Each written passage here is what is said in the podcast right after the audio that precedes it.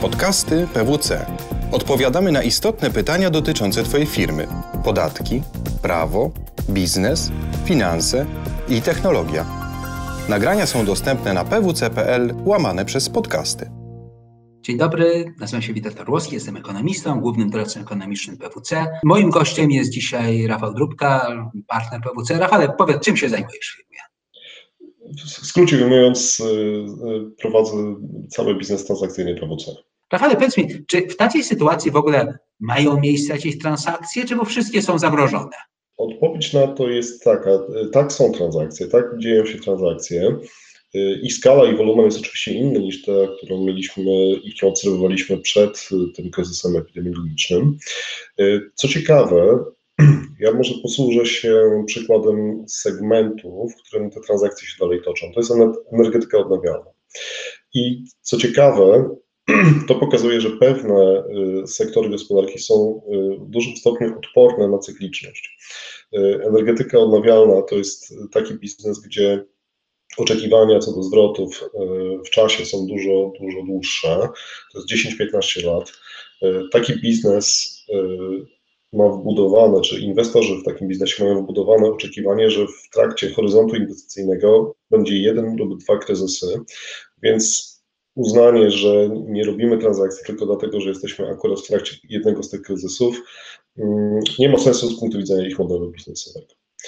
Y, ale to nie jest powszechna sytuacja. Y, jeżeli chodzi o segmenty biznesu, które są y, bardziej eksponowane na sytuację bieżącą, które są albo cykliczne albo bardzo mocno kontrcykliczne, y, czyli te, które teoretycznie powinny zyskiwać na, na kryzysie, to wówczas y, w większości preferencja inwestorów jest taka, żeby chwilę odczekać, żeby zastanowić się, złapać ten balans, zobaczyć, jak ten biznes będzie zachowywał się w ciągu najbliższych nadchodzących miesięcy i zobaczyć, jaka jest realna wartość tego aktywa i podjąć bardziej świadomą decyzję, e, decyzję inwestycyjną. Także podsumowując, e, tak transakcje się dzieją w innym wymiarze niż do tej pory.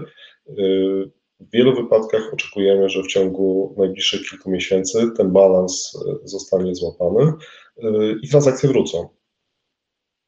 No dobrze, a na co w tej chwili zwracają uwagę firmy tak naprawdę, jeśli się już angażują w transakcje? Y, skupię się na tych kwestiach, które są bardzo mocno powiązane z tą, z tą sytuacją covidową. Y, znaczy, pierwszym takim najbardziej oczywistym elementem krótkoterminowym, na który się zwraca uwagę, to jest jak firma zachowuje się w sytuacji właśnie kryzysu. Czy jest w stanie złapać y, odpowiednio szybko płynność finansową, czy ma kłopoty w bieżącym zarządzaniu, bo, bo to często jest takim testem tego, czy organizacja jest w ogóle dobrze zarządzana. Drugim aspektem bardzo ważnym to jest spojrzenie do przodu, zastanowienie się, co zmieni się w naszej rzeczywistości, w tym rzeczywistości gospodarczej po tym kryzysie jak widzimy prospekt tej firmy, na którą patrzymy, w tej nowej, wyobrażonej rzeczywistości. Y, trzeci dosyć ważny aspekt to y, działalność operacyjna. Y, ten element, który wyobraźmy sobie firmę, mającą dziesiątki, setki dostawców rozsianych po całym świecie.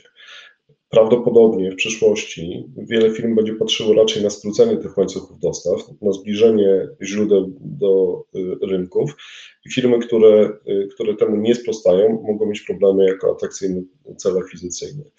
I ostatnia wreszcie rzecz, na którą zwraca się uwagę, i to może bardziej z perspektywy sprzedających, to jest y, Jaka jest perspektywa tego aktywa, które posiadam? Czy te zwroty, które sobie założyłem, kiedy w nie inwestowałem, to są zwroty realne do uzyskania w najbliższej przyszłości? Czy nie lepiej, mówiąc krótko, spieniężyć to aktywo w tym momencie i zainwestować w coś nowego? To są te kluczowe punkty, które widzimy, y, inwestorzy zwracają uwagę w toczących się procesach transakcyjnych.